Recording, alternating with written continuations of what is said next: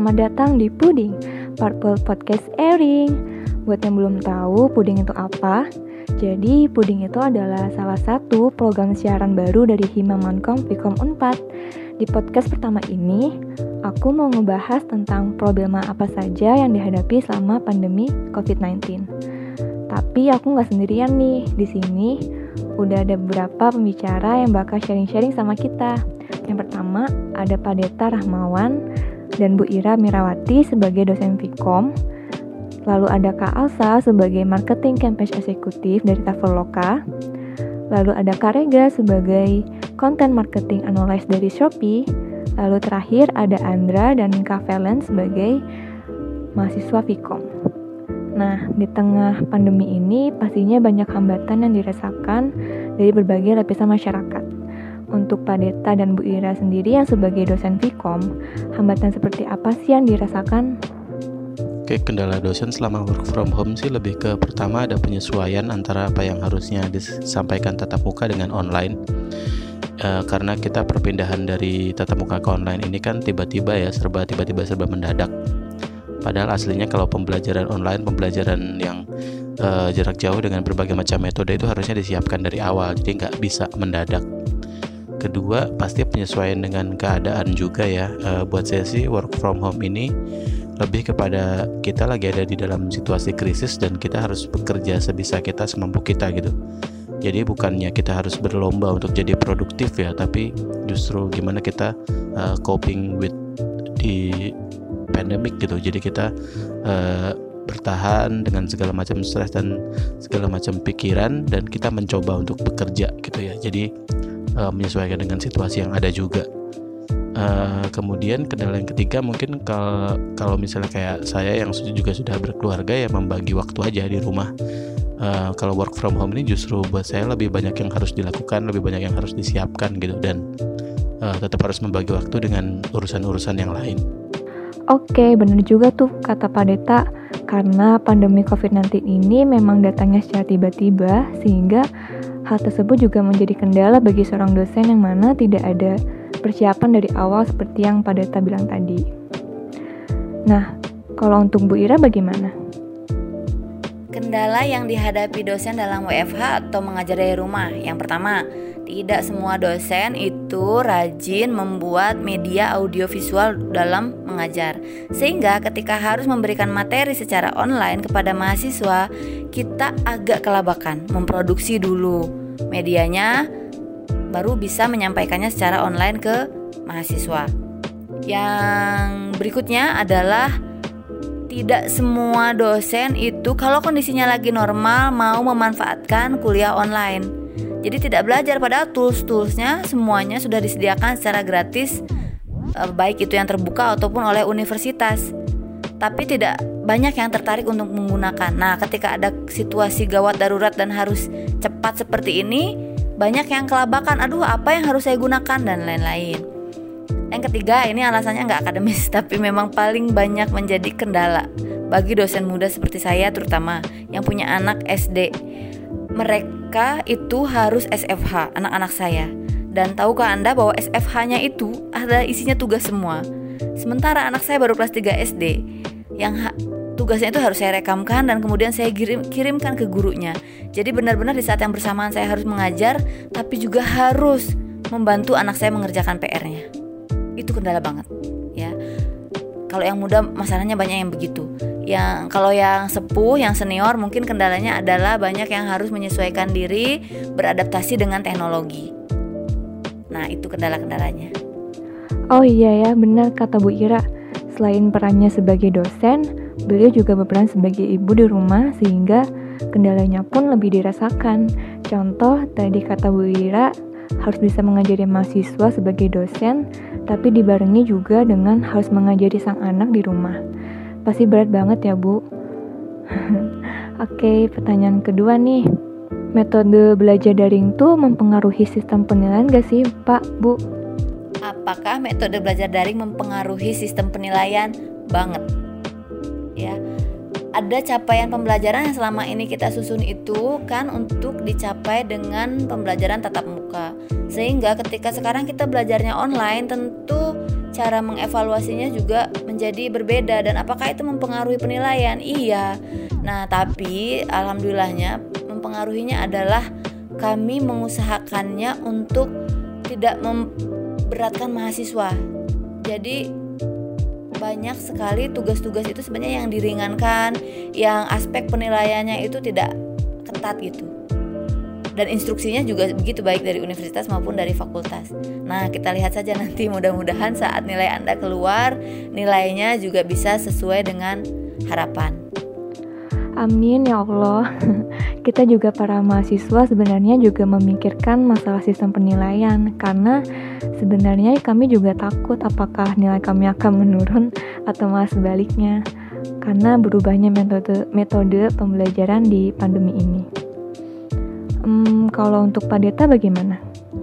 Metode belajar daring mempengaruhi sistem penilaian jelas ya karena apalagi ada beberapa mata kuliah yang tadinya membutuhkan praktek langsung riset lapangan dan ini tadi seperti saya bilang mendadak digantinya di online jadi pasti ada penyesuaian-penyesuaian tertentu tapi ya insya Allah sih pasti akan disesuaikan dengan uh, bobotnya dan juga memperhitungkan dari tadi kondisi yang ada sekarang. Oke, jadi bisa dibilang dari para dosen akan menyesuaikan ya sesuai bobot dari mahasiswanya dan juga kondisi yang sekarang ini. Oke, lanjut ke pertanyaan yang ketiga. Sebenarnya metode belajar daring itu dianggap lebih efektif nggak sih, Bu? Pak, mungkin nggak seterusnya bakal digunakan di pembelajaran. Siapa dulu yang mau jawab, Bu Ira? Pak Deta? Yaudah, Pak Deta dulu deh soal efektif atau tidaknya itu akan tergantung dari struktur mata kuliahnya ya.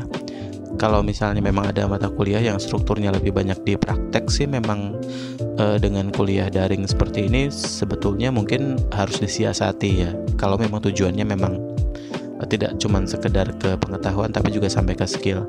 Jadi buat saya tadi balik lagi bahwa um, struktur untuk kuliah daring ini sebetulnya nggak bisa tiba-tiba langsung jalan gitu ya. Harusnya ada perencanaan yang lebih baik dan apakah ke depannya akan tetap dilakukan iya dan mungkin ke depannya juga dilakukan tapi dengan perencanaan yang lebih baik gitu uh, bukan dalam kondisi seperti ini dengan kondisi normal dan perencanaan dalam sistem kuliah online ini juga bisa lebih matang uh, apa namanya uh, jadi juga ini berkaitan dengan penilaian penugasan uh, dengan kuliah online-nya dan dengan cara-cara lain yang nanti sebetulnya malah bisa blend gitu ya antara tatap muka dan online ini jadi satu paket. Oke, berarti memang harus dilihat dari mata kuliah itu sendiri ya Pak, untuk bisa dikatakan efektif atau tidaknya. Kalau untuk Bu Ira bagaimana?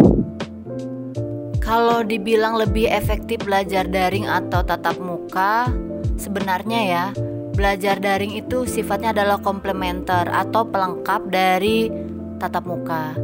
Kalau dua-duanya digabungkan atau biasanya kita sebut dengan blended learning, maka itulah pembelajaran yang ideal.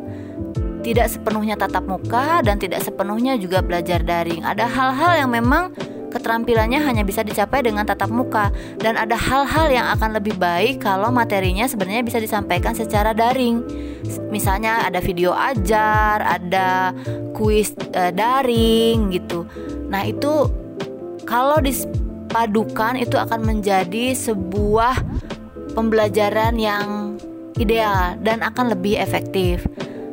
Jadi ke depannya saya sih berharap dosen-dosen baik dan fakultas juga ataupun universitas memang mencanangkan untuk dosen itu mengelaborasi pembelajaran tatap muka dengan pembelajaran daring. Nah benar kata Bu Ira, di mana sebenarnya metode daring ini hanya sebagai tambahan dari metode tatap muka. Jadi kalau ingin lebih efektif atau ideal lagi, maka Kedua metode tersebut seharusnya digabungkan sehingga para mahasiswa juga dapat lebih baik dalam proses pembelajaran. Oke, tiga pertanyaan tadi sudah aku berikan. Terima kasih untuk Pak Deta dan Bu Ira sudah memberikan jawaban yang sangat baik. Oke, next sekarang aku mau beralih ke kakak-kakak kita yang sudah memasuki dunia pekerjaan nih. Pertanyaan pertama, Dampak apa sih yang dirasakan dari pandemi COVID-19 ini terhadap pekerjaan kakak? Dari Kak Alsa dulu deh. Dampak corona ke pekerjaan aku. Sebenarnya kalau dari segi suasana udah pasti beda ya, karena kan biasanya harus ke kantor sementara sekarang kerja dari rumah, yang mana punya plus minusnya sendiri kan. Plusnya waktu kerja bisa lebih fleksibel, bisa bareng keluarga juga, sementara um, ada juga nih hambatannya karena kan kita bergantung sama sinyal internet kan jadi kadang wifi nggak bisa atau rumah mati lampu. Tapi kalau dari segi kerjaan sebenarnya bisa dibilang sama seperti kerja di kantor karena nggak makin dikit maupun makin banyak. Walaupun nih aku sebagai marketer nggak melakukan kegiatan promosi tapi sebenarnya aku tetap melakukan engagement ke user dan customer. Oke, kalau untuk Kak Rega gimana? Hmm, menurutku uh, dampak COVID-19 ke pekerjaan aku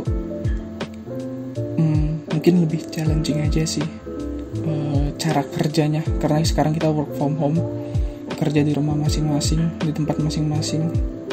Kita cuma bisa berkomunikasi secara online lewat voice call ataupun video call. Terus banyak plan baru dan banyak juga plan yang berubah semenjak karantina ini. Uh, karena kita harus menyesuaikan sama kebiasaan masyarakat pada umumnya sih karena kan ada kebiasaan baru ada habit baru semenjak di rumah aja itu sih Hmm, jadi kalau bisa dibilang ada tantangan tersendiri ya untuk menghadapi pandemi COVID-19 ini. Adanya perubahan gaya hidup masyarakat yang kebanyakan dilakukan secara online, penyesuaian diri terhadap planning kerja yang baru, dan lain-lain. Nah, kalau dari dampak-dampak yang udah disebutin tadi, kira-kira mana sih kak yang paling dirasain sama perusahaan kakak? Bisa dijawab dulu sama Kak Rega. yang paling berasa secara perusahaan ya. Kalau secara perusahaan itu yang paling berasa adalah permintaan pasarnya sih. Permintaan pasarnya berbeda semenjak karantina ini. Banyak yang berubah. Mungkin contohnya kayak kemarin waktu hmm, lagi viral dalgona coffee. Permintaan pasarnya banyak banget yang nyari salah satu kopi yang emang cuma katanya bisa dipakai untuk bikin dalgona. Itu tiba-tiba melonjak jadi paling dicari.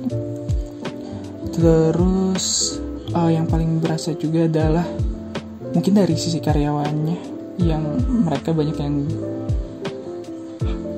kesusahan beradaptasi kesusahan beradaptasi uh, untuk kerja di rumah sih. Mungkin karena terbiasa di kantor terus faktor internet juga mereka mengeluhkan karena enggak secepat di kantor dan nggak sebaik di kantor sedangkan kita harus komunikasi koordinasi kerja secara online dan itu berpengaruh banget sih ke cara kerja ke iklim kerja juga mungkin itu berubah. Itu sih kalau secara perusahaan. Iya benar kata Kak Rega, di mana perubahan yang terjadi sekarang ini tidak semua orang bisa dengan mudah langsung beradaptasi. Misal, tadi kata Kak Rega, karyawan yang biasanya kerja di kantor sekarang harus kerja di rumah. Nah, pasti di antara mereka juga mengalami beberapa kendala. Nah, untuk Kak Alsa, apa dampak yang paling dirasakan? Karena kebetulan aku kerja di online travel agent yang mana core bisnisnya adalah travel udah pasti sangat terkena dampaknya ya di kondisi sekarang di mana kan selama ini kita selalu nge-encourage orang-orang buat melakukan traveling yang mana kalau diaplikasikan di kondisi sekarang sepertinya udah nggak bisa lagi gitu karena sesuai anjuran pemerintah untuk stay di rumah aja. Iya bener ya, pasti untuk kakak yang bekerja di travel agent akan sangat sulit di mana karena saat ini masyarakat dianjurkan oleh pemerintah untuk berdiam diri di rumah sehingga hal tersebut menjadi kendala yang paling dirasakan untuk Kak Alsa. Oke, lanjut ke pertanyaan selanjutnya. Dari dampak yang tadi kakak jelaskan, apa sudah ada solusi yang bisa dilakukan dari kakak atau perusahaan untuk mengatasi dampak tersebut? Untuk mengatasi hal tersebut, uh, sebenarnya kalau yang aku lihat beberapa perusahaan udah mulai menyesuaikan dan beradaptasi ya dengan kondisi saat ini. Termasuk perusahaan tempat aku bekerja. Aku ambil contoh di tempat aku bekerja ini ada salah satu line bisnis yang menjual voucher makan di restoran. Tapi kan sekarang keadaannya restoran dan mall udah pada tutup dan nggak memungkinkan nih untuk kita stay di model bisnis yang sama. Akhirnya kita coba menyesuaikan, restoran pun coba menyesuaikan. Jadi restoran yang awalnya buka di mall, akhirnya mereka ganti model bisnisnya. Jadi menyediakan layanan delivery. Nah, voucher yang tadinya kita jual hanya berlaku kalau customer ke restoran, sekarang berlaku juga kalau misalkan customer pakai sistem delivery gitu. Um, selain itu, kalau memang rasanya nggak memungkinkan nih untuk kita melakukan kegiatan promosi, maka lakukanlah engagement ke customer. Yang paling penting adalah interaksi antara brand dan customer terus terjaga. Oke, kalau untuk Karega bagaimana? Solusinya, uh, kalau secara aku pribadi sih lebih ke gimana caranya tempat aku ini bisa dipakai buat kerja senyaman mungkin biar hasilnya juga terus maksimal terus komunikasi dan koordinasi sesering mungkin. Terus um, mungkin lebih banyak riset juga sih sama keadaan yang sekarang kondisi seperti ini karena bakalan ada hal-hal baru yang harus uh, disesuaikan dengan kerjaan. Terus yang paling utama sih kesehatan. Kesehatan paling penting saat ini terus kalau secara perusahaan sih perusahaan yang pertama mereka provide banget karyawannya untuk kerja di rumah dari mulai internet, laptop dan lain sebagainya. Terus uh, mereka juga menuntut kita untuk kerja menyesuaikan kondisi seperti saat ini agar distribusi ke masyarakat nggak berhenti juga agar apa yang dicari oleh masyarakat umum ada di perusahaan kita itu sih solusi dari perusahaan. Um, jadi bisa dibilang dari jawaban Kak Alsa dan Kak Rega, intinya adalah solusi yang bisa dilakukan adalah penyesuaian atau adaptasi baik dari diri pribadi ataupun dari perusahaan ya. Karena sebagaimana kita tahu karena adanya pandemi COVID-19 ini banyak sekali perubahan yang terjadi baik dari segi lingkungan, gaya hidup, pekerjaan, dan lain-lain. Sehingga kita dituntut untuk bisa menyesuaikan diri. Nah, kita udah sampai di pertanyaan terakhir nih. Harapan apa yang mau yang mau disampaikan untuk pemerintah dalam mengurangi dampak negatif yang kakak rasakan? Silakan dari Karega dulu. Buat pemerintah, kita mungkin sama sih harapan aku sama masyarakat Indonesia, bahkan mungkin masyarakat dunia global pemerintahnya masing-masing mereka sangat bergantung sih berharap pemerintah bisa membantu uh, menekan angka COVID-19 ini sehingga kurvanya semakin landai setiap harinya. Biar kita bisa beraktivitas seperti biasa, kegiatan ekonomi juga kembali normal. Itu sih. Tapi buat pemerintah Indonesia khususnya lebih fokus aja sih menangani COVID-19. Jangan ngurusin hal-hal yang gak penting dulu itu sih paling semoga pemerintah denger ya iya amin semoga apa yang barusan kakak bilang bisa didengar oleh pihak pemerintah Oke, lalu untuk Kak Asa, harapannya bagaimana untuk pemerintah? Harapanku ke pemerintah sebetulnya lebih general, karena kan yang merasakan dampak dari corona ini adalah semua orang dan semua kalangan gitu ya. Maka dari itu semoga pemerintah bisa lebih tegas untuk mengambil keputusan, untuk mengambil kebijakan agar Indonesia bisa segera pulih dari pandemi ini. Apalagi kan kalau misalkan kita lihat nih contohnya Thailand, Vietnam, pelan-pelan mereka udah mulai recovery. So, be optimis aja kalau Indonesia juga pasti bisa lah sebentar lagi gitu. Di sisi lain, aku juga ngerasa bahwa kita semua tuh punya tanggung jawab untuk bisa mengurangi penularan dengan cara di rumah aja. Terlebih yang nggak punya urgensi buat keluar rumah, tetap stay at home, jaga kesehatan, jaga kebersihan, be resourceful. Kalau baca berita atau baca artikel, lihat sumbernya dari mana sih? Datanya seperti apa? Metode pengambilan datanya bagaimana gitu. Sehingga kita nggak mudah buat termakan hoax. Semoga teman-teman yang lagi dengerin podcast ini juga lagi berada di rumah ya. Stay safe. Amin ya rabbal alamin. Tuh guys, benar kata Kak Alsa.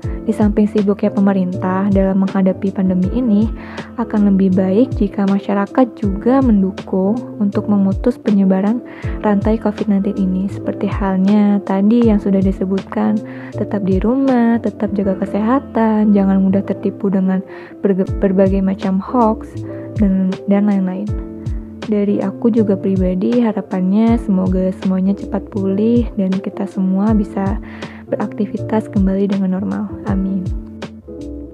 Oke, kan tadi aku sudah nanya ke dosen, lalu ke kakak-kakak yang di sini.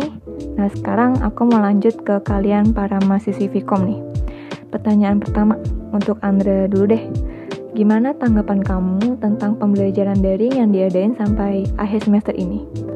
Pembelajaran daring sampai akhir semester ini sebenarnya kurang efektif menurut gue pribadi karena dari segi project-project yang harus dihapuskan dan digantikan itu kan juga kayak mengubah konsep pembelajaran dan juga tidak semua dosen itu memberikan materi itu melalui video ataupun memberikan materi langsung melalui online karena ada juga memberikan materi itu melalui PPT saja ataupun memberikan tugas. Tapi di sisi lainnya, kelebihannya waktunya jadi lebih fleksibel. Kita bisa belajar kapan aja. Terus juga kalau dari segi teman-temannya terlihat jadi aktif nanya dibanding di kelas. Tapi nggak menutup kemungkinan ia belajar efektif ya tatap muka langsung kan. Oke, kalau untuk Kak Velen gimana? Selama menjalani pembelajaran daring ini, aku merasa diberi tantangan tersendiri karena kita kan biasanya kuliah ada jadwalnya kan dan harus ke kampus. Jadi pasti punya estimasi waktu atau perencanaan waktu sendiri buat misalnya makan uh, atau mandi dulu atau untuk jalan ke kampusnya kan. Nah tapi kalau misalnya belajar daring kan tinggal buka laptop atau HP langsung ikut kelasnya.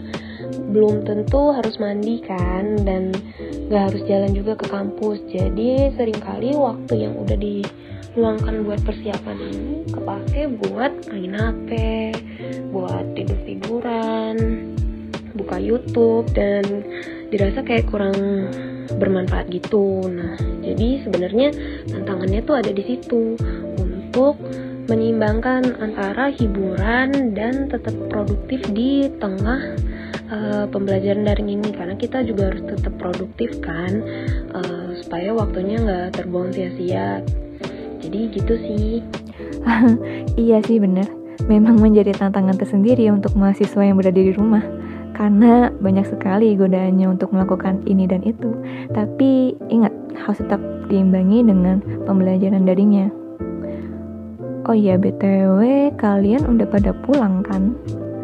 Terus dikasih status ODP nggak? Kalau iya, ceritain dong pengalaman kalian pas dikasih status ODP. Dijawabnya mulai dari Kavelan dulu deh. Iya, jadi pas baru balik itu sempat jadi ODP. Nah, jadi selama karantina di rumah, ya di kamar aja. Hmm, menghindari kontak sama mama sama adek terus kalau ngisi waktunya ya kayak biasa kalau biasanya tuh pagi sampai siang kalau ada kuliah ya ikut kuliah kerjain tugas nah kalau waktu luang biasanya kadang-kadang kalau ada seminar atau sharing online yang menarik ikut. Terus beberapa kali juga ikut ser uh, ambil sertifikasi online atau cuma buka-buka LinkedIn aja lihat-lihat uh, lowongan magang atau biasanya di LinkedIn banyak bacaan yang menarik gitu seputar kalau aku tertariknya marketing tapi banyak hal sih nah kalau malam itu aku cenderung nggak mau ngerjain tugas nggak mau berhubungan lagi sama tugas. Jadi malam adalah waktu buat uh, refreshing bermain. Biasanya nonton mau nonton YouTube film drama um, apa pun itu ditonton. Dan kalau main game paling main monopoli atau main ludo versus komputer biasanya kayak gitu wah banyak juga ya yang bisa dilakuin sama Kak Valen di rumah tapi kalau dilihat Kak Valen sangat bisa mengatur waktunya ya agar bisa produktif meski di rumah bagus-bagus Nah, kalau untuk Andra gimana nih? Apa ada pengalaman yang bisa diceritakan? Gue sebenarnya nggak tahu gue jadi orang dalam pengawasan apa enggak. Cuman waktu nyampe bandara banget itu langsung dikasih kartu kewaspadaan kesehatan. Jadi gue ngasih informasi sama kontak kalau misalnya menunjukkan gejala-gejala corona selama 14 hari itu harap melaporkan segera kepada pihak terkait. Jadinya selama di rumah tetap social distancing, terus menjaga kesehatan, imun, dan menjaga kebersihan juga, dan tetap jaga jarak walaupun kepada keluarga sendiri. Nah, iya, aku setuju. Meskipun kita berada di lingkungan keluarga sendiri, kita juga harus tetap menerapkan social distancing karena kita tidak tahu apa yang terjadi di saat kita lagi di luar. Bisa aja kan kita yang membawa virus tersebut dari luar masuk ke dalam rumah dan amit-amit menyebarkannya kepada keluarga kita. Jadi tidak salah untuk tetap tetap cuci tangan dan jaga jarak antar satu sama lain. Next, terakhir, hmm, minta saran dong buat mahasiswa yang masih di Nangor dan berniat pulang. Mungkin ada kata-kata yang ingin kalian sampaikan. Coba dari Andra, silahkan. Sebenarnya saran yang terbaik itu yang bisa menentukan adalah orang itu sendiri. Karena kenapa? Kalau misalnya pulang, itu ada resiko terbesarnya menjadi carrier, yaitu membawa virus kepada orang-orang yang disayangi. Cuman gak menutup kemungkinan mungkin ada alasan-alasan khusus yang menjadikan dia terpaksa harus pulang karena dari segi persediaan makanan atau persediaan uang ataupun memang orang tua yang mengharuskan anak tersebut pulang. Cuman pilihan itu ada di tangan kalian sendiri mana yang terbaik dan mana yang enggak. Pikirkan juga orang lain dan diri kita sendiri. Tuh guys, bener kata Andra. Sebanyak apa pun saran yang diberikan, balik lagi ke diri kita yang menentukan mana yang baik untuk kita dan mana yang buruk.